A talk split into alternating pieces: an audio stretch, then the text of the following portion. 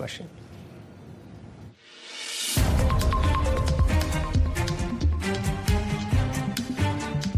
سرخط سه خبر مهم در برنامه امروز تلویزیون آشنا صدای آمریکا از واشنگتن وزارت دفاع ایالات متحده آمریکا اعلام کرد که یک جنگنده آمریکایی روز شنبه یک بالون جاسوسی چین را در سواحل کارولینای جنوبی ساقط کرد. پنتاگون ورود بالون به حریم هوایی ایالات متحده را نقض غیرقابل قبول حاکمیت آمریکا خواند.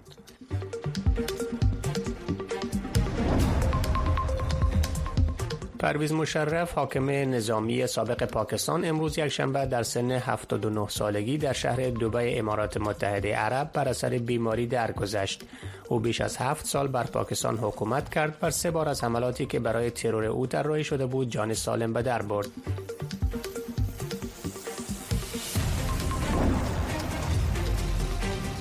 و سمیران نوا یک قانونگذار افغان تبار برای بار دوم به پارلمان دنمارک در انتخابات چند ماه پیش در این کشور راه یافته است. او می‌گوید تا رسیدن به این پارلمان با های جدی جنسیتی و نژادی روبرو بوده است.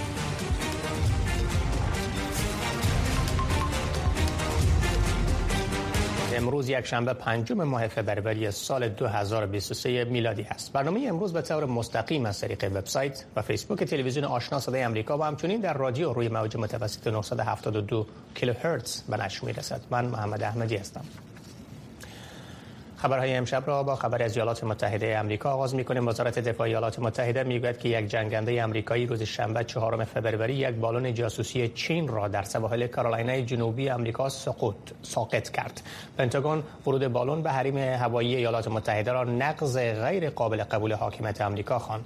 اما چین در حالی که این حمله را شدیداً تقبیح کرد گفت این بالون با اهداف هواشناسی پرتاب شده بود و به صورت تصادفی داخل حریم فضایی یا هوایی امریکا کردید شرح این گزارش را همکارم نجیب خلیل تقدیم می ایالات متحده روز شنبه یک بالون جاسوسی مشکوک چین را در سواحل ایالت کارولاینا پس از عبور از ساحات حساس نظامی در سراسر امریکای شمالی سرنگون کرد.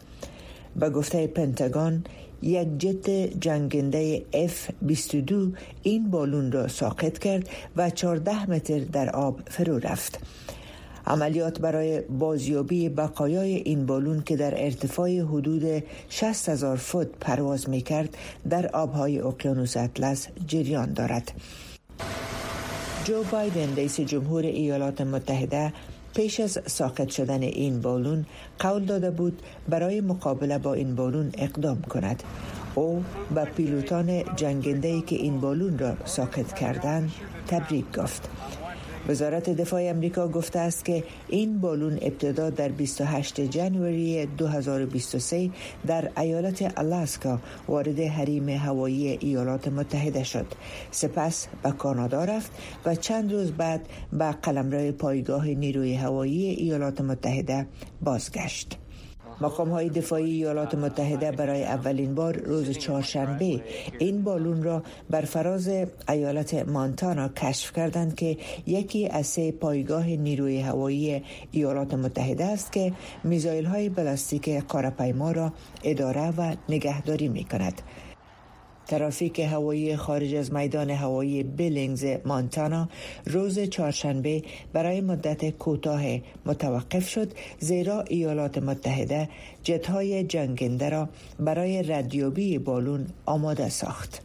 پیش از ساخت کردن این بالون انتونی بلینکن وزیر خارجه ایالات متحده در کنفرانس خبری روز جمعه دیدارش از چین را به تعویق انداخت.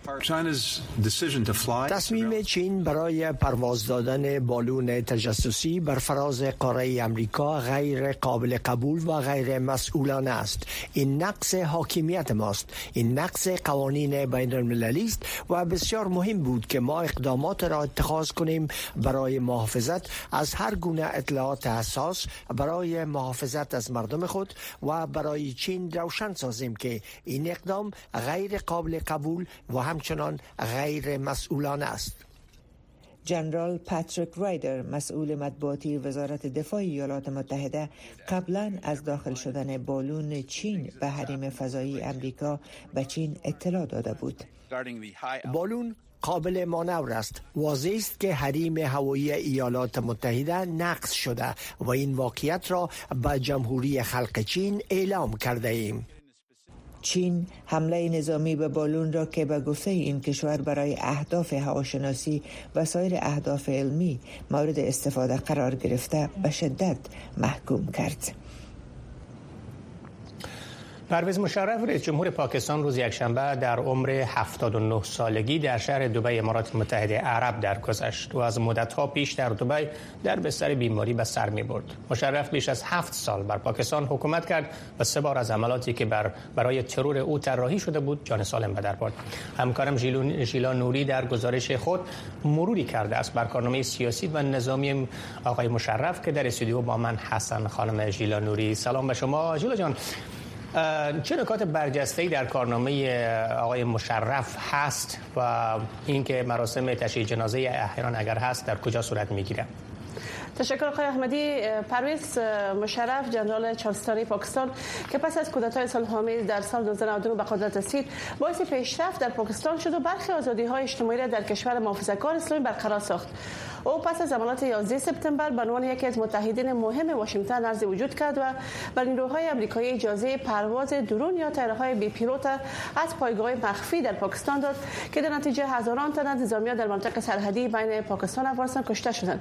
پرویز مشرف با به دست آوردن حمایت جورج بوش رئیس جمهور پیشین آمریکا توانست که بر اردوی پاکستان حمایت مالی جلب کنه اما اردو و استخبارات پاکستان رابطه خود با طالبان القاعده قطع نکردند و خشونت‌ها بر علیه قوای آمریکایی در افغانستان هم بیشتر شد.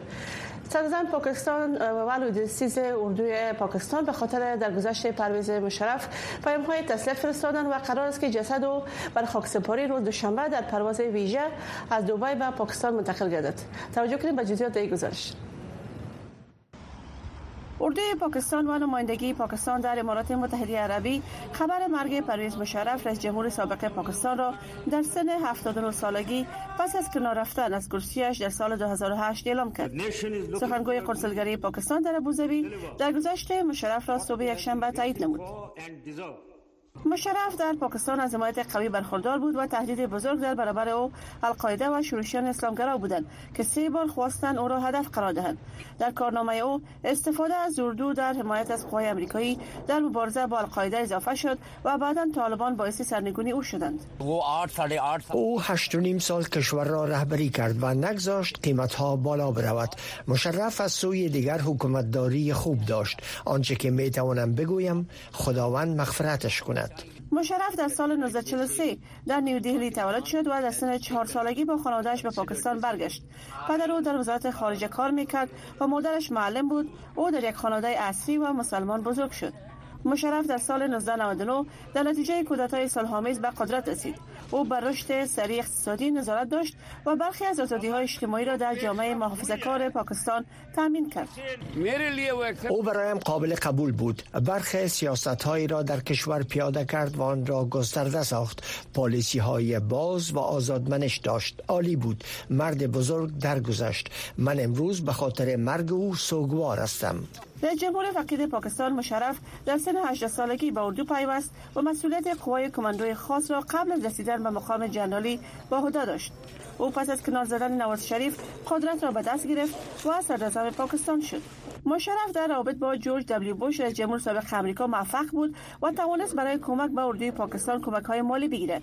او در تعهد خود به اردو هیچ وقت کوتاهی نکرد اما اداره استخبارات پاکستان با طالبان و القاعده توافق کردند و در برابر نیروهای آمریکایی در افغانستان به مبارزه پرداختند.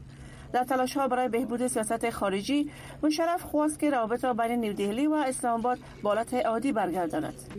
بعدا در سال 2007 در یک حمله انتحاری بی‌نظیر بوتو کشته شد و خشونت‌ها دامن زده شد.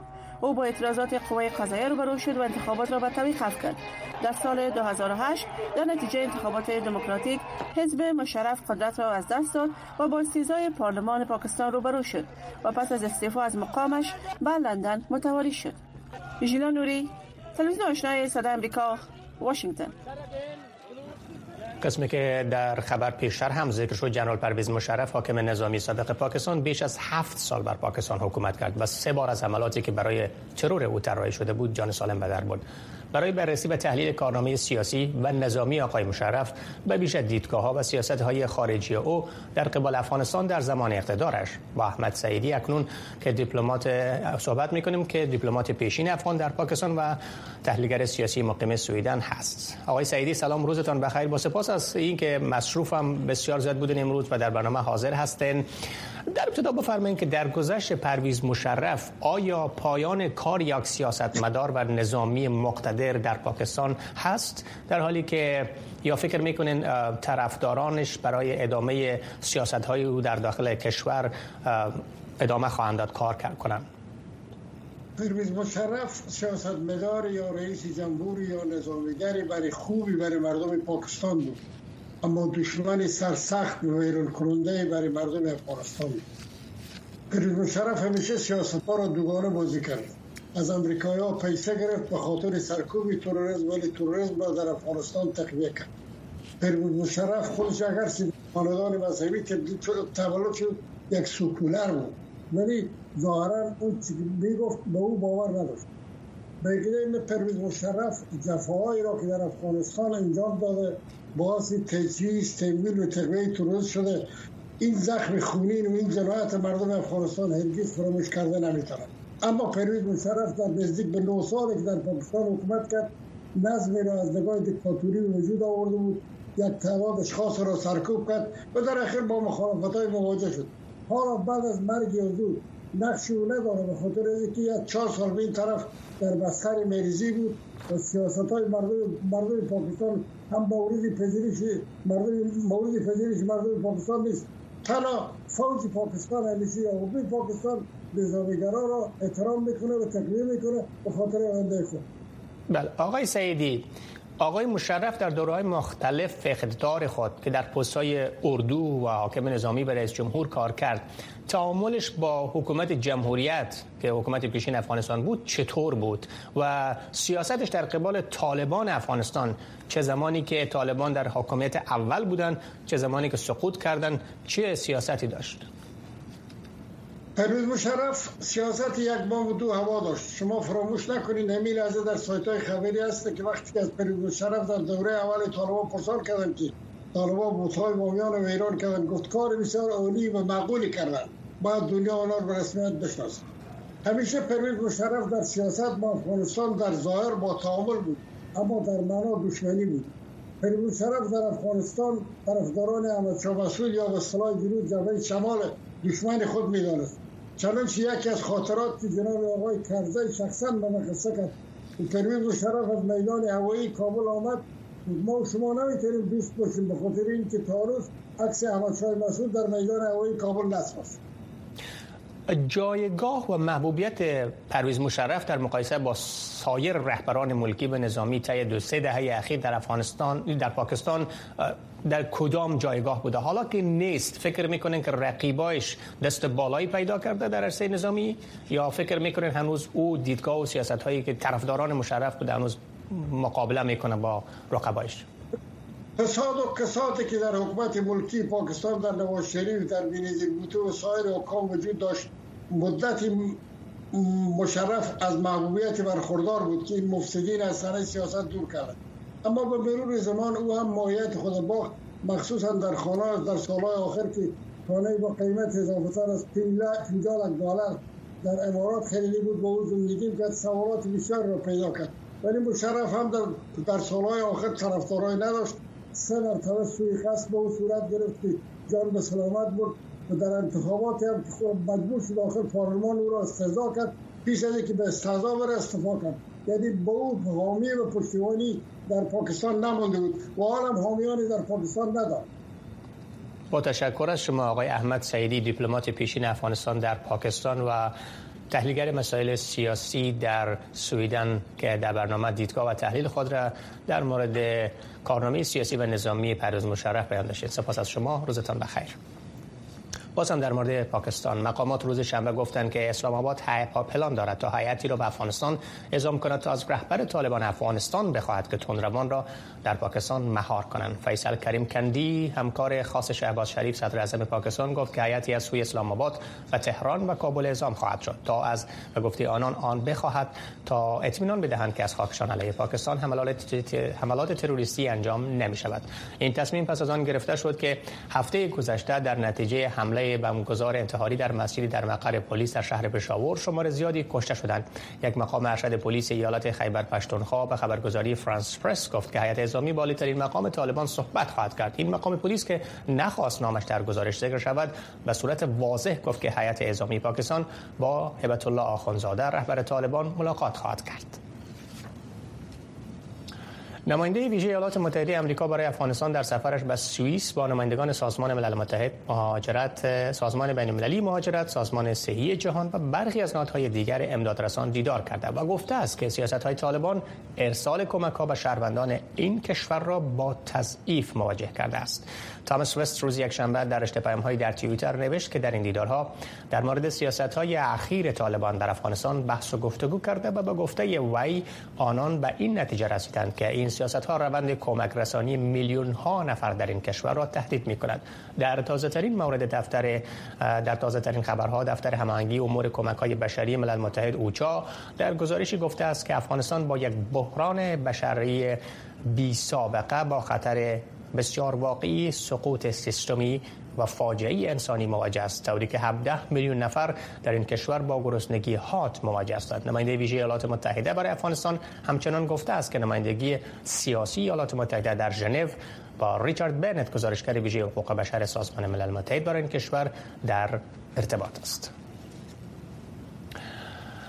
در سالهای پسین و با افزایش پناهندگان افغان در اروپا افغانهای زیادی در پی فعالیت‌های سیاسی در کشور میزبان در صدد رسیدن به کرسی های مهم دولتی در آن کشور بودند. در این میان سمیرا نوا برای بار دوم به پارلمان دنمارک در انتخابات چند ماه پیش در این کشور راه یافت. این سیاست مدار دنمارکی افغان تبار می‌گوید که تا رسیدن به این کرسی با تبعیض های جدی جنسیتی و نژادی روبرو بوده است. ولی آریان در این باره گزارشی را از سویدن تهیه کرده است. خم و پیچ جاده های سیاست خیلی دیده است. سمیران و از 15 سالگی و از سنگامی که دانش آموز مکتب بود شوق رسیدن به قدرت سیاسی را داشت. چهار سال است که عضو پارلمان دنمارک است و تا رسیدن به کرسی پارلمان پستی ها و بلندی های زیادی دیده است. ام خارجی ها ام دنمارکی ها می‌بینن که این یک زن است. طرف قدرت روان است. طرف چوکی پارلمان روان است. و و زن بودن. در politics در سیاست مشکل است. انو زیادتر نظر به ای که آدم خارجی باشه. ایره ما دیدیم. اتو نیست که ما آزار ندیدیم به خاطر که پدرمشان از افغانستان بودن. پوسترهای خود در کوبناک بند کرده بودم. سر پوسترهای ما لغت های خراب نشته کردن به خاطر که می‌بینن که نام افغان افغانی است یا نام عربی است. در سالهای پسین افغانهای زیادی به ویژه جوانان کوشیدند که در کشورهای اروپایی دست بلندی در سیاست داشته باشند. شانس خوش اما یاریشان نکرده است. تالار عمومی پارلمان دنمارک است. 179 عضو دارد. و از این میان تنها چهل درصد اعضای پارلمان را زنان تشکیل می دهند ده درصد مردمان دنمارک هم غیر دنمارکی ها هستند. و از این میان تنها سه نماینده با ریشه غیر دنمارکی در پارلمان دنمارک عضویت دارند. این چوکی که چوکی فامیل ملک هست در این میان اما سمیران و برای مهاجران جوان که می‌خواهند در اروپا سیاست کنند تجربه هایش را این گونه برای پیشرفت در سیاست شریک می سازد در پارلمان دنمارک قانونایی که ما پاس می‌کنیم درباره معلم های دنمارک می باشه درباره کودکستان های دنمارک شفاخانه های دنمارک. اگر آدم در این مسئله سیاسی دیگر, دیگر آدم دیبیت نکنه داخل نباشه بسیار مشکل است که آدم پیش بره. به خاطر که دنمارکی دنمارک مرا اگر همیشه به حساب خارجی ببینن برای بسیار مشکل میشه که پیشرفت کنم در سیاست دنمارک برخلاف بسیار جاهای دیگر شهروندان دنمارک می توانند که به هیچ ممانعت وارد تالار عمومی پارلمان شوند و در جاهای مشخص به تماشای آنچه که در مجلس می گذرد بنشینند. دانش آموزان مکاتب در دنمارک نیز شانس وکالت نمادین را یک روز در سال در پارلمان دارند. هر کسی که سنشان بالا باشه و در پارلمان دیر شیشتن آنها پیش میشینن. و نال به ما به خوردم هستن. در این دوره انتخابات ما نصف شدیم. و از اون خاطر چون به ما خورده هستن یک چند چوکی پس آمدیم. در اوضاعی که زنان و دختران در افغانستان با تحریم های کاری و تحصیلی رو بروستند سمیرا نوا به این باور است که بیرون شدن نیروهای امریکایی و دنمارکی از افغانستان سبب به قدرت رسیدن طالبان شده است. گروهی که مخالف آموزش و کار زنان و دختران است. زنای دخترایی که امروز درس خواندن نمی‌تونن طالبان نمیمانیشن در کار طالبان نمیمانیشن در درس. به خاطر که مملکت هایی که از افغانستان خود کشیدن را دادن که طالبا سر قدرت آمدن. رسیدن به اهداف سیاسی به ویژه برای مهاجران و در یک کشور دیگر زمان بر است و پشت کار بسیار می طلبد آن هم در رقابت با کهنکارترین سیاستگران کشورها. برای سمیرا نوا با ریشه غیر دنمارکی نیست رسیدن به کرسی پارلمان به چالش های سخته نبوده است. عبدالولی اوریان تلویزیون آشنا صدای امریکا پارلمان دنمارک.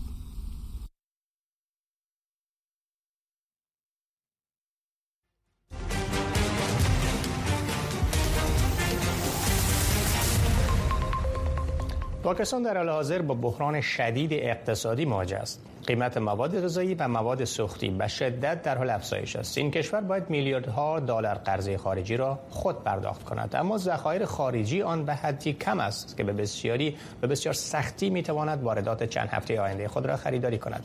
در این حال دولت پاکستان تلاش دارد تا مذاکرات متوقف شده خود را با صندوق بین المللی پول از سر بگیرد. برگردان گزارش صدای آمریکا را با هم می‌بینیم.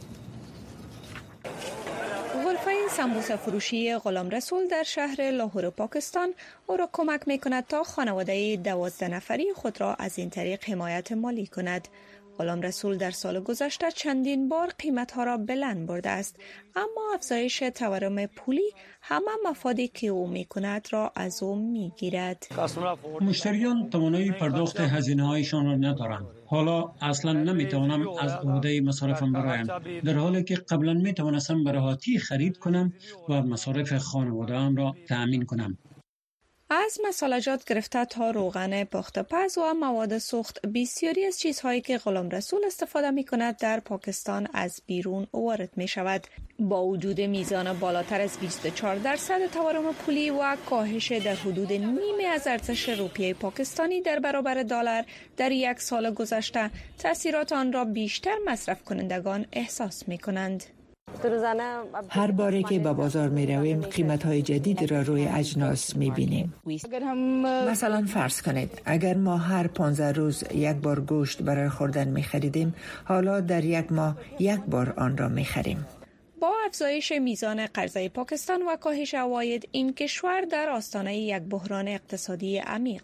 قرار دارد. در حالی که مقدار زیاد باز پرداخت قرضه 23 میلیارد دلاری پاکستان در سال روان یعنی سال 2022 الی 2023 و سال بعدی معقول شده است. دولت پاکستان باید تا ختم سال مالی در ماه جون 3 میلیارد دلار را برای جلوگیری از رکود اقتصادی بپردازد. اما بر اساس توییت بانک دولتی پاکستان در 26 جنوری به نظر می رسد که بانک مرکزی این کشور کمتر از 4 میلیارد دلار ذخایر دلار را در اختیار دارد. پاکستان همیشه درگیر پرداخت قرضه های خود بوده است. ما برای پرداخت قرضه ها قرضه می گیریم. تنها تفاوت این است که ما حالا آن پول را در پروژه های انکشافی سرمایه گذاری نمی کنیم بلکه با آن پول ها حکومت را اداره می کنیم. در همین حال صنعت نساجی یکی از بزرگترین بخش صادراتی پاکستان هزاران نفر را از این شرکت ها اخراج کرده است. در حال حاضر کاهش تقاضا وجود دارد. بر علاوه ما در سه ماه گذشته مشکلات تأمین مواد را داشتیم که باعث شد صادرات ما در سه ماه گذشته یعنی از ماه اکتبر تا 22 دسامبر حدود 18 تا 20 درصد کاهش پیدا کند. حالا ما با کمبود مواد خام روبرو هستیم. ما با کمبود پنبه مواجه هستیم. پاکستان برای جلوگیری از رکود اقتصادی به دنبال گرفتن کمک از صندوق بین المللی پول است اما برای گرفتن این پول شرایط سختی وجود دارد مانند افزایش جمعآوری مالیات و ختم فعالیت های شرکت های انرژی و این اقداماتی است که حکومت های مختلف به هم متحد به انجام آن شدند اما از ترس از دست دادن آرای مردم از عملی کردن آن اجتناب می کنند. فرخنده پیمانی تلویزیون آشنا صدای امریکا واشنگتن امریکا یکی از کشورهایی که میزبان فرهنگ ها، میلیت ها، سنت ها و ارزش های متنوع و بسیار مختلف از سراسر جهان است. زندگی در امریکا و مهاجرت به اینجا مانند سایر کشورها سختی ها و لذت های خود را دارد. برخی افراد با تلاش و با استفاده از فرصت ها می توانند به رویاهای خود برسند و برخی ها با مشکلات روبرو می شوند. زندگی در امریکا. هر جمعه از ساعت 6 الا 6 نیم بعد از ظهر به وقت افغانستان و از ساعت 9 نیم الا 10 قبل از ظهر به وقت شرق امریکا.